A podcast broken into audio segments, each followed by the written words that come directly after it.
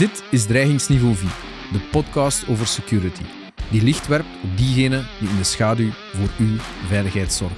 Mijn naam is Jannik de Smet, vroeger advocaat, nu actief in de private veiligheid en gepassioneerd door deze materie. Bart de Bie startte zijn opleiding bij de Koninklijke Militaire School, behaalde aan de UGent in het kader van zijn opleiding binnen de Rijkswacht een master in de criminologie en deed zijn beroepsopleiding tot politieofficier bij de Koninklijke Rijkswachtschool. Later aan de VUB behaalde hij nog diploma's bedrijfsrevisoraat en accountancy en onlangs een master in forensic auditing bij de Antwerpen Management School. Na zijn studies startte Bart bij de Rijkswacht, waar hij negen jaar bleef en onder andere hoofd werd van de Crime Unit. Na negen jaar ging hij in de privé werken bij Ernst Young en was hij verantwoordelijk voor de forensic services uiteindelijk. In 2003 startte hij zijn eigen onderneming iForce, dat gespecialiseerd is in de preventie, detectie, onderzoek en het behandelen van corporate wangedrag. Hij heeft een multidisciplinair team van accountants, auditoren, ICT-specialisten, criminologen en privéonderzoekers. Bart, goedemiddag. Goedemiddag, Janik. Uh, welkom in de Warande en uh, bedankt om hier vandaag aanwezig te zijn op onze podcast Dreigingsniveau 4. Klassiek in onze podcast bespreken we even de loopbaan. Waar is onze gast vandaan gekomen en waar gaat hij heen? En vooral, hoe is hij gekomen waar hij nu staat? En uh, ja, een van onze bronnen is vanzelfsprekend LinkedIn, dus ik ben even gaan kijken naar jouw profiel. En ik heb gezien dat je eigenlijk je studies, um, of, of jouw studieloopbaan hebt aangevat op de Koninklijke Militaire School. Misschien kan je ons daar iets van over vertellen. Waarom de Koninklijke Militaire School en um, wat vond je daarvan? Ja, dan moet ik eigenlijk een stapje teruggaan, om heel eerlijk te zijn. Uh, ik heb mijn Humajora ook op een bijzondere manier eigenlijk uh, aangevat. Het is te zeggen, ik heb mijn eerste drie jaren klassiek middelbaar gedaan. Maar dan uh, is er een andere invulling geweest de laatste drie jaar. Dan ben ik naar de kadettenschool getrokken in Lier. Okay. Instelling die de dag van vandaag niet meer bestaat. En ja, dat was eigenlijk al een stukje voorbode naar de militaire school. Een eerste stap in de richting van die militaire school. Uh, en het is ook door een toeval dat ik daar eigenlijk op uitgekomen ben, want er is, ik heb geen militair in de familie of zo. Uh, maar ik heb het mij nooit beklaagd, want het is een unieke opleiding geweest. Van meteen in een uniformpje naar school. Ik herinner mij nog de periode waarin mijn moeder en mijn vader me elke zondagavond afzetten in Lier. Hè, en we dan de vrijdag uh, opnieuw kwamen halen. Heel toffe opleiding, heel veel sport. Uiteraard al een stukje die discipline meegekregen. En een sterke voorbereiding op de militaire school. Ja. Dus je hebt je kandidaturen, waar dat dan de facto twee jaar in de militaire school in Brussel. En dan achteraf criminologie uh, in het kader van de Rijkswachtopleiding in, uh, in Gent. Ja, dat klopt. Nu, de keuze om dan uiteindelijk voor de Rijkswacht te gaan, ja. is er ook pas uh, na enige tijd gekomen. Want ik was eigenlijk voorbestemd om militair te worden, als ik het zo mag zeggen. Maar tijdens die opleiding in de kadettenschool ben ik dan toch in dat laatste jaar beginnen nadenken van is militair nu wel de juiste keuze voor mij? En waar ik het destijds moeilijk mee had, was als ik militair word, dan moet ik zo de idee hebben van ja, ik moet mij voorbereiden voor als het ooit oorlog wordt. Hè? Uh -huh. En in die periode ja, was er niet echt oorlog. Uh, dus ik dacht van, wat ga ik mijn ganse leven doen als militair? En toen kwam die andere optie van politieman. En dan zeg ik van, ja, daar kan ik toch iets meer doen dat ik, daar waar ik het maatschappelijke nut van inzie. En dan heb ik die keuze willen maken voor uh, de Rijkswacht. En ik wou eigenlijk, op het moment dat ik in de militaire school begon, de keuze maken om de opleiding Polytechniek te doen. Ja, ja oké. Okay. En met andere woorden, ik wou eigenlijk in de voetsporen van mijn vader treden, die ook burgerlijk, inge burgerlijk ingenieur was. En uiteindelijk uh, bleek op het moment dat ik die keuze moest maken, dat dat toen nog niet kon.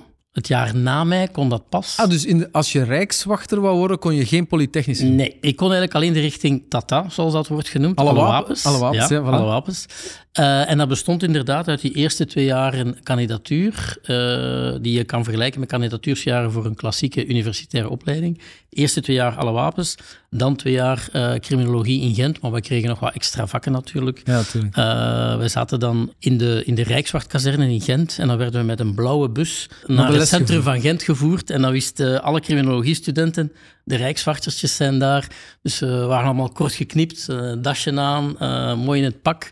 Uh, dus we waren wel gekend uh, ja, ja. In, de, in de universitaire omgeving. En dan na uh, de Krim en, en na de KMS nog toch wel de politieschool eigenlijk, de Rijkswachtschool? Ja, de Koninklijke Rijkswachtschool, zoals dat toen heette. Okay. Ja, 15 jaar nog, 15 maanden liever, opleiding, waar we dan ook nog andere dingen kregen. De leukere dingen kwamen er dan ook bij kijken. We mochten leren paardrijden, we mochten met de camion okay. uh, leren rijden, we mochten met de motto leren rijden. Het zijn allemaal leuke dingen die we toen uh, hebben kunnen doen. En natuurlijk ja, de eigenlijke uh, training om het vak te kunnen uitoefenen als politieman. Hè. Nadien ben je ook gebleven. Je bent negen jaar bij de Rijkswacht gebleven. Ja, Klopt. Welk, uh, welk traject heb je daar dan gedaan? Werd je onmiddellijk... Ja, je was officier onmiddellijk, neem ik aan? Ja, uh, ik ben begonnen als onderluitenant. klassieke uh, pad van een onderluitenant is dat je dan eerst eigenlijk in de openbare ordehandhaving terechtkomt.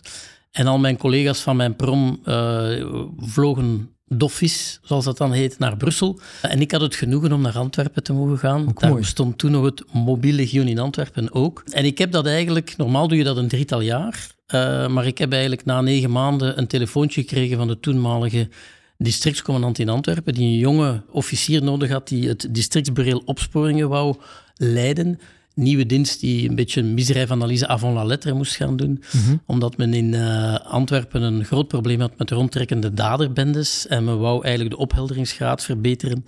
En men had eigenlijk een dienst nodig die alle gegevens naast elkaar legden van alle onderzoeken, zowel op het niveau van de lokale brigades als de bijzondere opsporingsbrigade, de BOB, zoals Ja, dat toen heette. ja, ja. En daar had men een jong iemand voor nodig die, die, daar, wou, die daar wou invliegen, als het ware. En heb ik die kans En was gegrepen. dan, heb je daar goede herinneringen aan? Was dat een leuke Supergoeie Want herinneringen. Eigenlijk negen jaar is eigenlijk wel lang, hè? Ja, want ik heb uiteindelijk ook in Antwerpen maar een tweetal jaar eh, geweest. Dan heb ik opnieuw een telefoontje gekregen.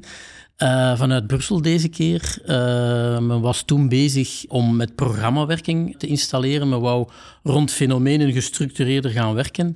En een van die fenomenen was de georganiseerde misdaad. Dat kwam toen op, hè, de grote maffiastructuren die men wou aanpakken. En men wou dat op een modernere manier doen. En men had eh, gezien dat een van die manieren om die georganiseerde misdaad aan te pakken via de geldstroom was. Eh, en dan vroeg men aan mij van ja, zou je daaraan willen meewerken? Maar we hebben eigenlijk weinig expertise binnen de Rijkswacht omtrent financiële recherche. Zou je niet nog wat willen bijstuderen? En zou je niet ons kunnen helpen om ja, dat meer handen en voeten te geven, die opsporingstechnieken vanuit een financiële invalshoek? Buitgericht opsporen eh, werd dat toen genoemd. Oké. En dan heb ik twee jaar in, aan de VUB kunnen bijstuderen. Bedrijfskunde heb ik gedaan en dan ook nog reviseraat en accountancy. Oké. Dus ik kende niks van financiën, maar na die twee jaar Plots was ik toch specialist... eh, eh, een beetje meer voorbereid om toch de, de bagage te hebben om, om, om rond opsporingstechnieken en de nieuwe wetgeving die toen aan het opkomen was. De witwaswetgeving is Ja. van die tijd. Alles wat eh, voordeelsontneming betreft, confiscatie en dat soort dingen, dat werd allemaal op dat moment in de wet ingebouwd. En daar moesten we mee aan de slag. Oké. Uiteindelijk, na negen jaar, stap je, allee, m- maak je een einde aan jouw politieloopbaan. Ja. Hoe is dat gekomen eigenlijk? Waar, van waar, waarom, die, waarom die stop? Ja, dat is een, een, een bijzonder moment geweest, moet ik zeggen. Want dat is inderdaad, eh voor hetzelfde geld staat er nu een politieman voor u. hè. Ja, voilà, Eh, Dat is het uiteindelijk niet geworden. En eh, je herinnert u waarschijnlijk nog, in die periode was net voor de eeuwwisseling, Mhm. is die politiehervorming er gekomen. Ja. Ik noem het altijd de bananenschil waar, waar alles mee gestart is, is, ja, om het nu spreekwoordelijk te zeggen, de hele Dutroux-affaire. Mhm. Daarop is de Rijkswacht toen behoorlijk uitgegleden. En dat heeft die politiehervorming in gang gezet. En toen heb ik voor mezelf de, de vraag gesteld: ja, ga ik in die politie willen en blijven functioneren? En die politiehervorming tekende zich toch niet zo heel aangenaam aan. Vooral dan omdat het tien jaar wellicht eh, bezig was met reorganisatie. En ik wou vooral eh, met het eigenlijke werk bezig zijn. Mhm. En ik had een, eh, een goede collega van mij uit Nederland, die de overstap had gemaakt van de politie naar de private sector. En die had toen de stap gemaakt naar Ernst Young. En dat was ook iemand die voor, bezig was met heel dat buitgericht opsporen, had dat in Nederland helemaal ontwikkeld. En toen dacht ik van ja, waarom zou ik het niet wagen? Eh, ik heb toen mijn stoute schoenen aangetrokken en de overstap gewaagd, met nog een vangnet weliswaar, want ik kon eventueel nog terug. En ik heb er eigenlijk geen moment spijt van gehad. Ik heb tien fantastische jaren gehad eh, bij de voormalige Rijkswacht. Maar op het moment dat ik in dat verhaal ben gestapt, dat nieuwe verhaal, wist ik al na negen maanden eigenlijk van, dit zit goed, Ja. Eh, hier ga ik op Want voort. op dat ogenblik was forensisch onderzoek in het kader van accountancy en de financiële praktijken, dat was toch wel nog iets nieuws. Hè? Dus Ik denk dat we spreken 2003. Ja, Uh, Dus- 2003 is een, is een volgende stap, want ik heb eigenlijk eerst, eh, als ik bij de Rijkswacht ben vertrokken, drie jaar bij Ernst Young, eh, Ja. heb ik dat ingevuld. Dan was het eigenlijk eh, ja, toen echt vrij nieuw. Maar in 2003, omdat je daarnaar verwijst, heb ik Ja. dan de overstap gemaakt van Ernst Young naar mijn eigen, enfin, het eigen bedrijf, iForce. En dat heb ik ook met een, een wel overwogen gedaan omdat ik wel vastgesteld heb, als je binnen zo de constellatie van een Big Four kantoor werkzaam bent en je doet het vakgebied van fraudeauditing, dan, dan, dan is het lastig om te zeggen, je doet dit onafhankelijk. En je moet het wel vanuit een onafhankelijke positie kunnen doen. Want als je in de constellatie van zo'n Big Four kantoor fraudeaudit doet, dan kom je af en toe met belangenconflicten tegen. Als je tegen een Ja, het onderzoek moet doen eh, voor een klant waar een van uw collega's de functie van bedrijfsrevisor heeft uitgeoefend, dan is het lastig. Eigenlijk kiezen voor het ondernemerschap, wat ook wel bijzonder is. Hè? Vertrekkende vanuit een KMS kiezen voor een ondernemerschap is toch ook wel een mooie, bijzondere stap. Ja, je groeit daar wel in. Hè. In het begin doet dat heel raar. Dat doet wel, dat doet wel met de mens, omdat... Ja, als Je bent dus zelf baas, hè?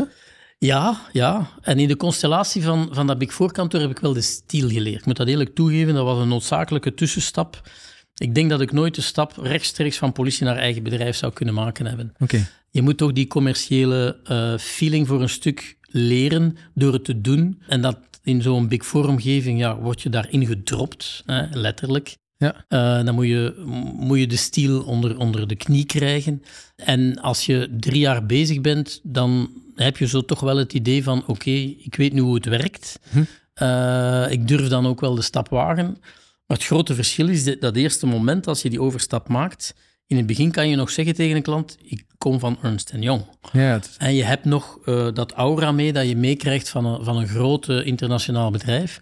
Maar dan kom je, ja, en ik werk nu voor mijn eigen en mijn, wij zijn iForce. Ja, Hm. dat is een En heel andere insteek. Eigenlijk moet ik u feliciteren, want het is 20 jaar iForce. Ja, klopt. Ondertussen, na twintig jaar, durf ik wel zeggen dat we een eigen merknaam in de markt hebben kunnen zetten. En we mogen er best wel staan, want we hebben met ons team in die afgelopen twintig jaar toch eh, behoorlijk wat cases eh, eh, mogen draaien voor heel wat klanten. Van de uitge- uit de kluiten gewassen KMO tot het beursgenoteerd bedrijf, zowel in de private als in de publieke sector. Mhm. Ja, we hebben toch wel een, een, een, een goede reputatie kunnen opbouwen in die, in die loop der jaren. Fraude wordt nog vaak bekeken vanuit het puur financieel gegeven, hè, eh, wat wa- waarschijnlijk ook het vaakst voorkomt, maar fraude is veel meer. Ja, absoluut. Hè. Ik bedoel, fraude heeft natuurlijk wel meestal eh, een drijfveer vanuit dat financiële. Maar fraude kan je met heel veel verschillende dingen doen. Hè. Mhm. Je kan frauderen met geld, maar je kan ook frauderen met voorraad van je organisatie. Je kan frauderen met tijd, maar je kan ook frauderen met informatie. Mhm. En als je de dag van vandaag kijkt naar de bedrijfswereld anno 2023, ja, dan zit heel wat know-how van bedrijven eh, zit niet alleen in de hoofden van de mensen, maar ook in digitale systemen. En een van de problemen waar we de dag van vandaag toch wel vaak mee worden geconfronteerd, is die intellectual property theft. Hè. Mhm. Eh, dat zijn toch cases die jaarlijks de revue passeren bij ons, waar je dan toch ziet dat, dat fraude, een veel ruimer eh, begrip is dan het puur financiële. Kan je een, een aantal voorbeelden geven van modus operandi rond fraude, bijvoorbeeld van tijd of van, van informatie, van kennis? Goh, er zijn heel veel verschillende modus operandi. Ik denk dat we daar eh, een, een hele dag zouden kunnen aan wijden. eh, en dat is waarschijnlijk de bedoeling niet. Maar eigenlijk is er maar één grens aan de modus operandi van een fraudeur. En dat is zijn eigen verbeelding. Eens dat je de interne controle van je bedrijf kent, van je organisatie kent, en je weet hoe die functioneert, en je hebt als potentiële fraudeur de tijd om uw slag te slaan en je slaagt er ook in van die interne controlemechanismen te omzeilen, dan is er heel veel mogelijk. En wat we toch vaak zien, is dat een fraudeur niet altijd alleen staat, eh, maar dat hij vaak een partner in crime heeft, zoals dat dan Toch mooi wel. heet. Collusie heet het dan ook Mhm. eh, met een mooi woord. Eh, dan zie je toch dat er mensen samenspannen. Ik herinner mij zo één case waar een, een magazinier is benaderd door een aankoopdirecteur. en die magazinier was een magazinier van allochtone afkomst. Die ja, verdiende niet slecht, maar kon best wel wat meer verdienen. En daar speelde die aankoopdirecteur natuurlijk handig op in, want hij wou hem een extraatje kunnen geven. Maar hij had die magazinier nodig om in het interne, controlesysteem, in het SAP-systeem, eigenlijk goederen fictief in ontvangst te nemen. En dan zie je dat eh, iemand eh, zeer hoog in de organisatie toch zijn toenadering zorgt, eh, zoekt tot iemand die wat lager in die organisatie zit, om samen een mogelijke fraude te kunnen plegen. Maar fraude is ook digitaal. Hè. We zien dat, dat die oefening rond cybersecurity, manipuleren van mensen, uh, alsmaar meer voorkomt om, om dan systemen te kunnen, om in systemen te kunnen inbreken. Heb je daar al ervaring mee? Helpen jullie daar ook ondernemingen? Ja, ja absoluut. Hè. Jij doelt een stuk op social engineering, om dan natuurlijk het hacking-verhaal eraan te kunnen koppelen. Uh, business e-mail compromises en dat soort uh, toestanden. Wel, als ik kijk de afgelopen tien jaar nu, uh, de laatste tien jaar, uh, zien wij een enorme stijging van dat cybercrime-verhaal. Waar de dreiging niet zozeer de insider threat is, uh, waar we de eerste tien jaar heel veel mee bezig geweest zijn. Maar zie je ook nu die externe dreiging enorm toenemen. En daar waar vroeger ons gespecialiseerd IT-forensisch team vooral ter ondersteuning stond van het fraudeonderzoek, zien wij dat zij nu zelfstandig cybercrime-incidenten moeten oppakken. Dat is zeer technisch. Zij doen echt aan incident response. Zij gaan kijken hoe dat incident, uh, waar eigenlijk die uh, zwakheid zit in de, de, de beveiliging van uw IT-systeem. En dat is denk ik ook de grote toegevoegde waarde ten opzichte van de andere spelers op de markt. Dus doordat mhm. we die incident response zelf doen, dat we zien hoe dat ze, uh, waar die kwetsbaarheden zien, dat we hen ook veel beter kunnen helpen om nadien te zeggen hoe kun je nu je IT-beveiliging uh, op een hoger niveau tillen, hoe kun je dat verbeteren? En een van onze medevenoten zegt heel vaak, ja, het is niet, zo de, niet zozeer de preventie bij cybercrime die, die belangrijk is. Het is mhm. eigenlijk de detectie die minstens even belangrijk is. Ja, dat is ervoor zorgen dat je systeem uh, continu monitort. Mhm. uh, en dat je dus ook tools implementeert die ervoor zorgen dat op het moment dat er uh, een potentiële inbraak is, dat je tijdig weet en dat je er tijdig op kan reageren. Tijdig betekent ook op het moment dat, je, dat ze dan toch binnen geraken, dat je ervoor zorgt dat je uh, het incident kunt beheersen. Response, betekent dat dan ook dat jullie dan de, de oefening doen van de contact met de potentiële hacker? je, je ziet toch alsmaar meer ondernemingen. Het is uh, denk ik twee weken geleden opnieuw gebeurd met een ziekenhuis, mhm. waar men dus ja, op een of andere manier via social engineering een, eh, een, een login en een code uh, te weten komt. Men uh, gaat in het systeem, men gaat het systeem encrypteren ja. en men vraagt dan een ja, los geld om de decryptie te doen. Hebben jullie daar ervaringen mee? Of? Ja, we hebben daar zeker ervaring mee. Het zijn cases die heel vaak de revue passeren. En we doen dat ook uh, in het kader van uh, cybercrime verzekering. Hè. Nu, wat heel belangrijk is, het, dat we toch merken, veel klanten denken dan van, we kunnen ze best betalen. Maar dan ben je nog niet zeker dat als je de encryptiesleutel krijgt, dat die ook effectief toegang geeft tot je systeem. Mhm. Met andere woorden, het kan uh, een maat voor niks zijn door te betalen. Ons advies is altijd van beter niet betalen en ervoor zorgen dat je het incident volledig aanpakt en dat je parallel bezig bent met het klaarzetten van je uh, backup systeem om het terug online te kunnen laten gaan. Eens dat je natuurlijk alles uh, mooi hebt afgedekt. Hè. Dus we hebben gesproken over accountancyfraude, hè? we mhm. hebben gesproken over cyberfraude. Zijn er nog takken waarin jullie betrokken geweest zijn, waar je zegt, ja kijk, dit gaat toch wel, hier moeten we stappen. reputatie is iets waar je uh, meer en meer ziet dat mensen misbruik maken van informatie, inderdaad. Of ja, je hebt het ook gesproken over informatiediefstal. Kan je daar eens een voorbeeld over geven? Als we kijken naar de fenomenen waar we mee bezig zijn, is het lang niet alleen fraude, corruptie en cybercrime, maar we hebben ook een aantal sabotagecases gehad. En sabotage is natuurlijk ook een enorm reputatierisico voor het bedrijf. Dus dergelijke sabotagecases uh, starten meestal ook met een vermoeden van mogelijk zit er daar ook iemand intern die, die daarbij betrokken zou kunnen zijn. En dan moeten wij aan fact-finding doen om dat uh, onderscheid te kunnen maken van is er iemand intern wel of niet bij betrokken. En dat is ook een vorm van onderzoek die in, in wezen een groot stuk parallel loopt met een fraudeonderzoek, mm omdat het altijd gaat om die fact-finding. Je wordt gecontacteerd door een klant in het kader van potentiële sabotage. Mm Komen jullie dan toe? Uh, alles wordt afgezet, uh, een inval ter plaatse? Of wat is nee, een aanpak nee, nee. eigenlijk? De aanpak is vooral een aanpak in alle stilte. Uh, een besloten onderzoek is ongelooflijk belangrijk. Dat betekent dat wij eerst een goed beeld willen krijgen van wat, heeft er, wat weet de klant eigenlijk al, welke informatiepositie heeft de klant al, wat zijn de uh, informatieposities die we kunnen bekomen bij de klant, hoe kunnen we ervoor zorgen dat alle beschikbare informatie die bij mensen zit, of die in systemen zit, dat we die op een slimme manier kunnen samenbrengen. En vaak, zeker in een sabotagecase, zal het erop aankomen van een goede tijdslijn te maken. uh, om te weten van wat heeft zich wanneer op welk moment precies afgespeeld. En zal het er vooral op aankomen van heel veel getuigen te spreken. Mm mag niet vergeten dat in een, dat in een fact-finding je heel veel uit data kan halen uit systemen, maar je zou er versteld van staan hoeveel mensen gehoord, gezien, gemerkt hebben. Uh, en dan komt het erop aan van die zo kort mogelijk na de feiten zo concreet mogelijk te bevragen en al die informatie goed met elkaar te vergelijken. Hoe gebeurt eigenlijk de, de link met de politie? Want op een gegeven moment, jullie doen een onderzoek uh, ja. in, met even welke fraude, moet dan toch de link gelegd worden met politie. Je hebt daar natuurlijk jouw ervaring, dat, uh, ja. dat moet zeker spelen, maar hoe gebeurt dat eigenlijk? Wel, de link met politie, ik denk dat, dat we dan eventjes een stapje terug moeten zetten. Uiteindelijk, als je een, een fraudecase hebt in een organisatie, is altijd de eerste en belangrijkste vraag, Gaat het nu om een conflict tussen werkgever of werknemer? Met andere woorden, gaat het alleen om een conflict van private belangen? Mm -hmm.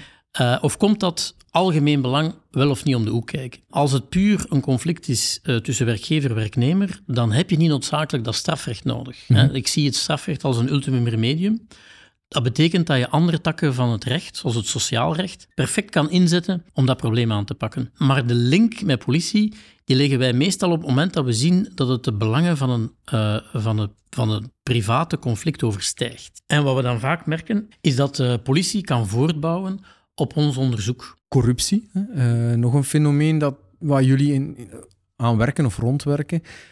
Is dat nog iets dat vaak voorkomt? Is dat, want je, de tijden zijn veranderd, uh, men is toch veel meer correcter. De politiek heeft misschien minder invloed aanbestedingen zijn er nu en, en de wetgeving in zaken aanbestedingen is er toch wel veel, zorgt ervoor dat daar die problematiek enigszins ja, verminderd is. Maar is dat nog een probleem waar jullie vaak op botsen? Uh, en waar, waaromtrent jullie worden aangesproken? Echte corruptiecases hebben we zeker in het begin wel een aantal gehad. En dan, heb je, dan denk ik dat het ook wel belangrijk is om dat onderscheid te maken tussen publieke en private corruptie. Want men, men denkt altijd, als het over corruptie gaat, er is een ambtenaar bij betrokken. Niks is minder waar. Want in de praktijk zien we vaak corruptie tussen twee private partijen. En dat zien we eigenlijk nog wel vrij vaak opduiken. Alleen haalt okay. het de nieuws, het, haalt het de krant niet, bij wijze van spreken. Maar als we het hebben over ja, de recente situaties die we uh, nog de revue hebben zien passeren, de prijsafspraken uh, bij Bipost, om er maar eentje te noemen, mm -hmm. hè, dan zie je toch dat het vrij ver kan gaan. En dat men zelfs de dag van vandaag ja, die, die overheidsaanbestedingen, ja, dat men die niet altijd correct toepast. Hè. Maar er is wel wat veranderd. Als ik heel eerlijk ben, dan denk ik wel dat de klassieke omkoping, uh, zoals we ze vroeger misschien makkelijker zagen, mm -hmm. uh, met de fameuze envelop die onder de toonbank of onder tafel gaat, dat die misschien minder aanwezig is vandaag dan vroeger het geval is. Maar dat betekent niet dat men niet op een slimme manier nog met kickback-constructies kan werken. Hè. Uh, dan gaat het niet meer over de envelop, maar dan gaat het om, ja, we zullen uh, uw zwembad wel komen plaatsen of we zullen uw keuken wel komen zetten. En dat gebeurt dan wat meer verdoken, maar ik denk niet dat je kan zeggen uh, dat het er niet meer is. Je hebt eigenlijk nog een, een andere functie professioneel. Hè? Je bent ja. ook voorzitter van het instituut van fraudeauditeuren. Sinds vorige week. Ja. Sinds, proficiat opnieuw. Ja. Um, wat, wat doet het instituut eigenlijk en wat, wat, wat is jouw taak daar als voorzitter? Wel, het instituut is ondertussen toch al meer dan twintig jaar. In, in, het is eigenlijk opgericht in, 20, in 1900, ja, nee, rond het jaar 2000 ongeveer. Hè. Mm -hmm. Dus we zijn uh, iets meer dan twintig jaar met het instituut bezig. En dat instituut is er eigenlijk gekomen om de, het vakgebied van fraudeauditing te professionaliseren. Om daar een kader voor te creëren, om ervoor te zorgen dat mensen worden opgeleid in het vakgebied. Een stuk aan certificering van die kwaliteit te doen. Hè. We hebben het, het register Fraud Auditor, het RFA-verhaal.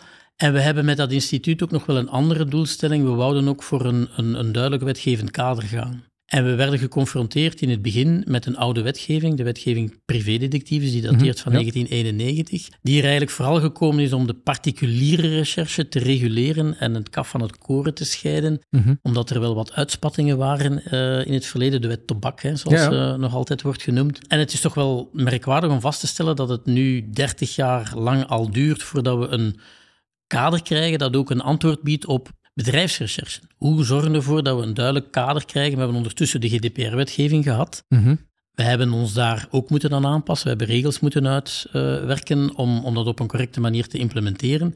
Maar de wetgever is tot nu toe wat achterwege gebleven.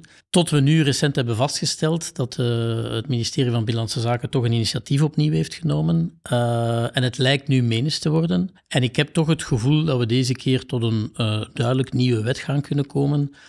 Die ervoor zorgt dat naar de toekomst toe het duidelijk is hoe dat wetgevend kader er voor fraudeaudits moet gaan uitzien. En ik ben daar eigenlijk heel, heel blij mee dat dat er gaat komen. En gaat het dan zo ver gaan als het wetgevend kader in kader van uh, privédetectives? Want dat is toch wel uh, tamelijk wat veranderd. Hè? Men heeft daar duidelijke regels. Men heeft ook de bevoegdheden een deels beperkt. Ik, ik, ik ben er alleszins voorstander van dat het heel duidelijk is onder welke voorwaarden een, een, een onderzoek in een, in een organisatiecontext kan plaatsvinden. Maar je moet dat ook zien in het licht van heel die nieuwe klokkenluiderswetgeving. Men, men vraagt aan bedrijven nu om meldkanalen te implementeren. Straks komen daar, uh, nu, iedere organisatie is nog volop bezig met dat in elkaar te zetten. Mhm. uh, maar als die meldkanalen eens up and running gaan zijn, ja, dan komen er meldingen binnen. En als er meldingen binnenkomen, moet er onderzoek gebeuren.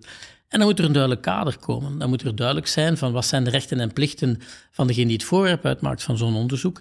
En dan is het goed dat er zo'n moderne wetgeving komt. Dat daar een aantal beperkingen zullen opgelegd worden, so be. Maar mijn ervaring uh, is in ieder geval, we hebben veel meer uh, nood aan een, een duidelijk transparant kader zodanig dat achteraf, als het onderzoek is gevoerd, men ook kan zeggen, oké, dit is op een rechtsgeldige manier gevoerd, dat is correct gevoerd. En om eigenlijk de wetgever al een stuk voor te zijn, hebben wij vanuit het, uh, vanuit het instituut uh, begin van dit jaar, eigenlijk al eind vorig jaar, om heel eerlijk te zijn, het initiatief genomen om kwaliteitsnorm te lanceren, zodanig dat elk rapport dat door een fraudeauditor wordt gemaakt, minstens aan zo'n norm kan worden afgetoetst. Je hebt uh, in, whistleblowing-wetgeving, uh, Europese wetgeving, maar sommigen zeggen gewoon nee, dat, dat, is gewoon een kliklijn opzetten. Wat is jouw standpunt? Nou, daar, ben ik, daar ben ik het absoluut niet mee eens. Klikken is iets totaal anders, maar dat idee leeft nog wel. Maar als je in een organisatiecontext op een stille manier aan de alarmbel trekt door zo'n klokkenluidersysteem te gebruiken, dan doe je dat in het belang ter vrijwaring van de activa van het bedrijf. Dat gaat niet over huistuin- en keukenprobleempjes, bij wijze van spreken, maar het gaat over serieuze dingen. En dan ben je niet aan het klikken, dan ben je eigenlijk niet meer aan het doen dan je professionele verantwoordelijkheid aan het opnemen. En dan doe je dat in het belang van het bedrijf. En diegene die de foute handeling stelt, dat is degene die zich eigenlijk uh, buiten de groep zit. Niet degene die het aankaart. Mm En dat denk ik is een, is, is, een, is een wereld van verschil.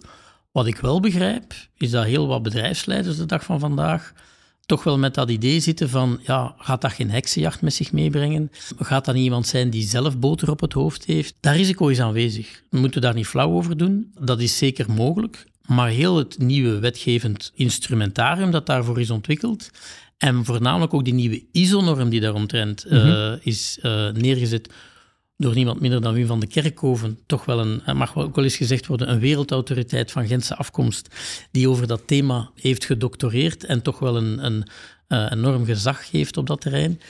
Ja, als je je systeem goed organiseert, dan komt dat ook naar boven in een vroegtijdig stadium. En dan zal die klokluider er ook op aangesproken worden. Mhm. En de wetgeving voorziet daar ook op dat hij dan kan gesanctioneerd worden.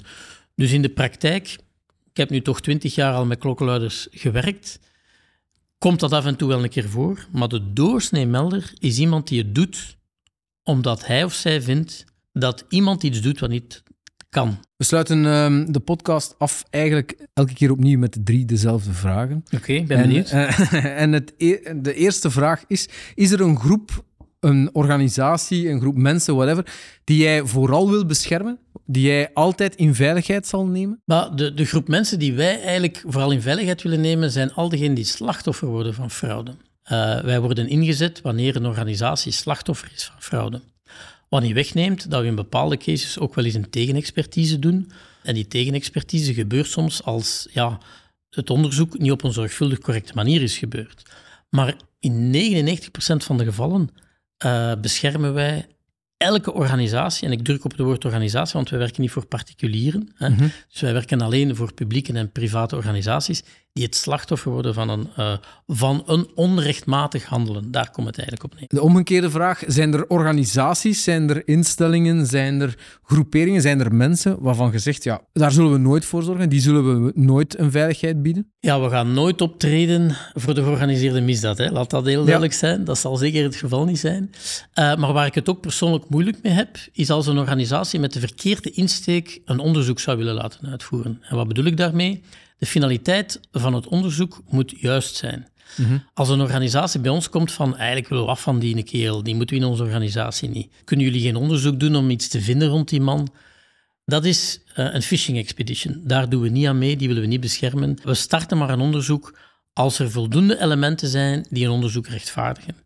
Om af te sluiten, heb jij nog een tip voor organisaties, ondernemingen rond fraude? Is er iets wat men, waar men vooral moet over nadenken? Iets dat men zeker moet doen? Begin al met preventie aan de voordeur toe te passen. Mhm. Zorg dat de, eh, de mensen met een verkeerde insteek niet bij u aan de slag kunnen. En dan denk ik dat pre-employment screening wel een instrument is waar men toch meer aandacht voor zou moeten hebben. Maar er is nog een tweede punt wat ik heel belangrijk vind, is uh, zorg dat je een goede fraude-risicoanalyse maakt in je organisatie en stem daar je maatregelen op af. En dan heb ik het niet alleen over preventie, maar dan heb ik het zeker ook over detectie. Oké, okay. dankjewel Bart. Graag gedaan. Fijn dat je naar deze aflevering van Dreigingsniveau 4 luisterde. Deze podcast wordt gesponsord door G4S.